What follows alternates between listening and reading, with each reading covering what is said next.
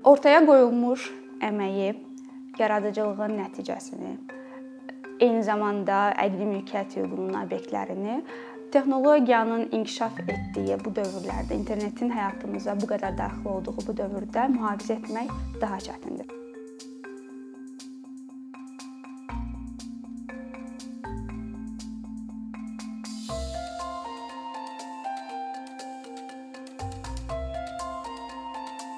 Belə ki, bütün hüquqları sizə məxsus olan əsərlər başqaları tərəfindən icazəsiz istifadə edilə bilər. Hətta bu istifadə o şəkildə edilə bilər ki, sanki bu əsərlərin müəllifi siz deyil də istifadəçilərdir.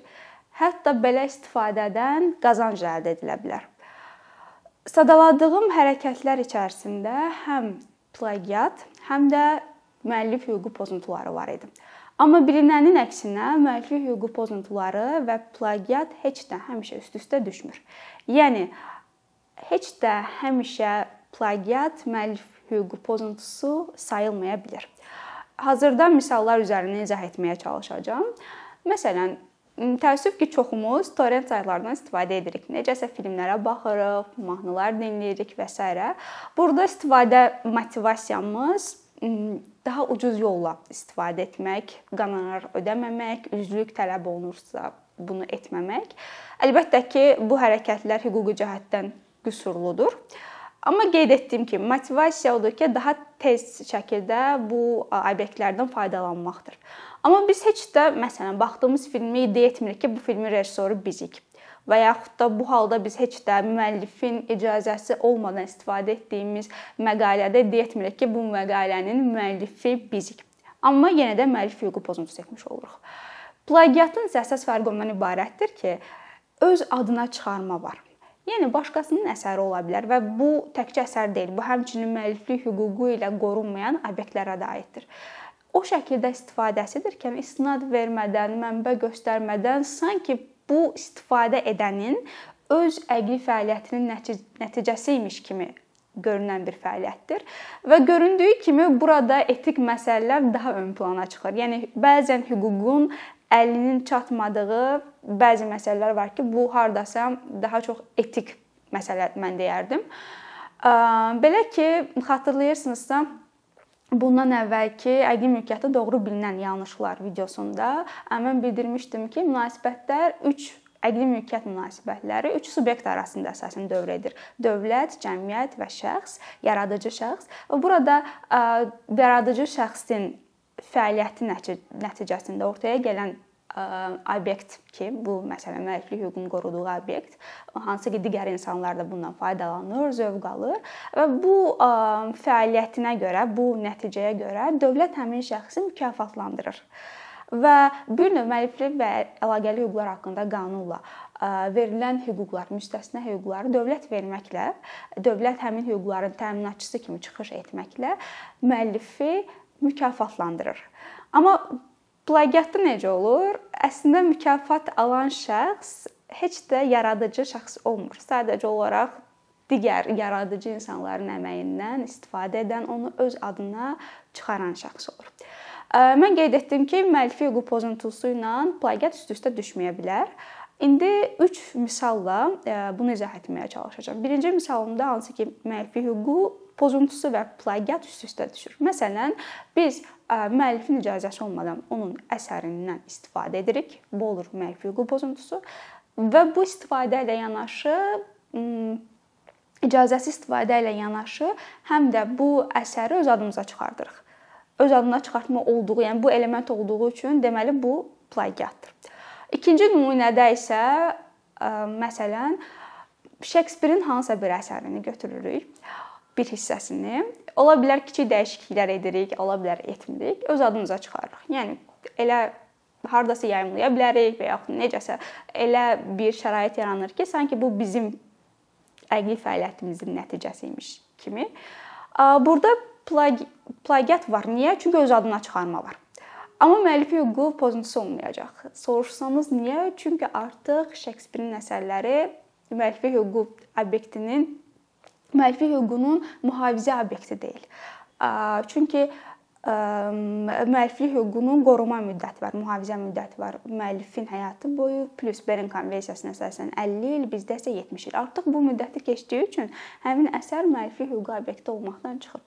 Bu təkcə əsərlərə aid deyil, bəzi nəsnələr də ola bilər ki, hansı ki müəlliflik hüququnun obyekti deyil, amma plagiatın obyekti ola bilər. Yəni biz öz adımıza çıxarırıq.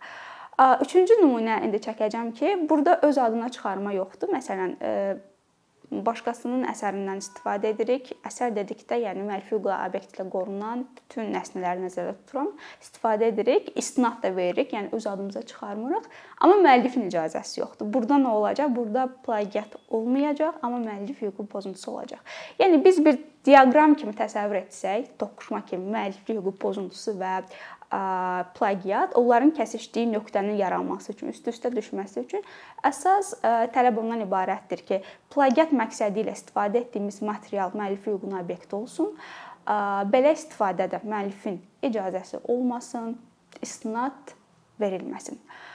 Elə plagiatdan danışmış danışmışkən, öz adına çıxarmaqdan danışmışkən, mən istərdim ki, ghostwriting-dən danışım. Yəni bunu bizim dildə tərcümə etsək, xəyali yazıçı və yaxud da ki, kölgə yazar, yazı kimi də tərcümə etmək olar. Bu necə olur praktikada?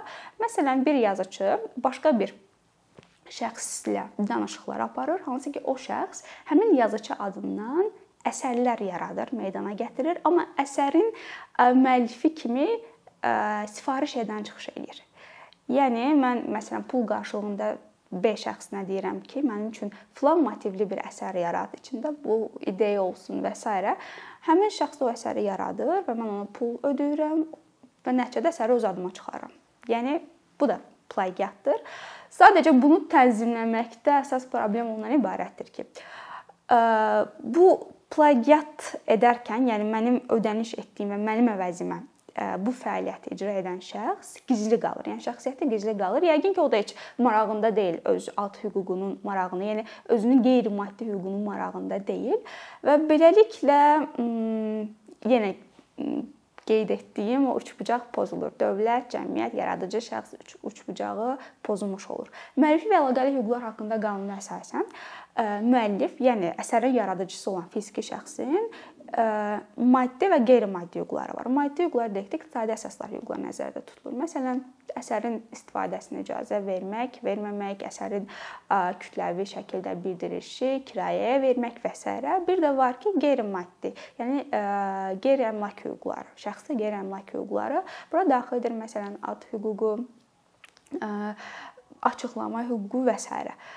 Bu halda, yəni xəyali yazıçı yazar məsələsində bu məsələ, yəni özgənlikləşdirilməməli olan qeyri-maddi hüquq bir növ özgənlikləşdirilmiş olur. Məsələn, bilmirəm, bəlkə də indi çox sevərək oxuduğumuz yazıçılardan hansısa bu yolu əl atır, amma biz bilmirik. Bunu çünki bilməyəcəyik yəqin ki, bunu çünki əsas məsələ budur ki, gizli qalır. Yəni müəllifi gizli saxlayırlar. Ona görə ki, özünün əqli fəaliyyəti deyil. Bu açıqlansa, yəqin ki, cəmiyyət tərəfindən cəmiyyət heç də yaxşı qarşılanmayacaq və s. Və mən istəyərdim ki, bu məsələyə toxunmuşkən, bunun daha çox elmi əsərlərdə, akademik əsərlərdə yayılmış formasından danışım və biraz da bizə məxsus, yəni bizdə daha daha çox rastlanan bir formadan danışım. Bilmirəm, mənim qarşıma çıxıb sosial şəbəkələrdəki diplom işlərinin, kurs işlərinin, dissertasiya işlərinin yazılması. Əla xidmət, qarantiya verilir və s. Bu nədir? Yəni universitetdə oxuyan tələbələr daha çox bunu tələbələr edir. Müəyyən pul qarşılığında onlar özlərinə yazmalı olduğu əsəri, yəni elmi əsər deyək ya da nə bilim bu tapşırıq da ola bilər, kurs, kurs işi və s. başqasına yazdırmış olurlar. Bu da bir növ xəyali, bizim xəyali yazıçılarımız qismində o kurslar çıxış eləyə bilər, o kurs, kurslar olmaya da bilər və yaxud da bu cür xidməti təklif edən ayrı-ayrı şəxslər də ola bilər. Burada məsələ ondan ibarətdir ki, ilk baxışda, dayaz baxışda belə görünür ki, yəni bu bir xidmətdir də, biz pul veririk. Bunun qarşılığında bizim üçün yazı yazılır. Konsalting xidməti kimi düşünün ya da alqı-satqı müqaviləsi kimi, yəni ödəniş edirik. Ola bilər ilk baxışdan bu bu şəkildə görünsün, amma dərinliyinə getsək, əlbəttə ki, bu etik olmayan və elmə çox böyük, təsəvvür edə bilməyəcəyimiz dərəcədə elmə, cəmiyyətə böyük zərər vuran davranışlardır. Ümumilikdə isə mən inanıram ki, plagiatın etik bir problem olduğunu və arxasında duran psixoloji səbəblər ola bilər və yaxud bizim cəmiyyətimizə xas olan səbəblər ola bilər ki, aradan qaldırıldığı təqdirdə ki, bunun cəmiyyətdə, elmi fəaliyyətdə çox böyük töhfələrinin olacaq. Çünki azad bir akademik mühitdə yaranacaq olan əsərlərin daha çox keyfiyyətli olacağına inanıram. Və əlbəttə ki, müəllifi hüququ pozmadan, nəinki plagiatlıqdan qaçmaq, eyni zamanda müəllifi hüquq pozuntularını etmədən, istinadları doğru verməklə. Çünki bir-birimizin işinə hörmət etmək, müəllif hüququ cəhdində bir-birimizi bir növ həvəsləndirmək nəticə etibarilə bundan cəmiyyət, dövlət və əlbəttə ki, yenə yaradıcı yaradıcı şəxs bundan töhfə götürəcək. Thank you. What the fuck?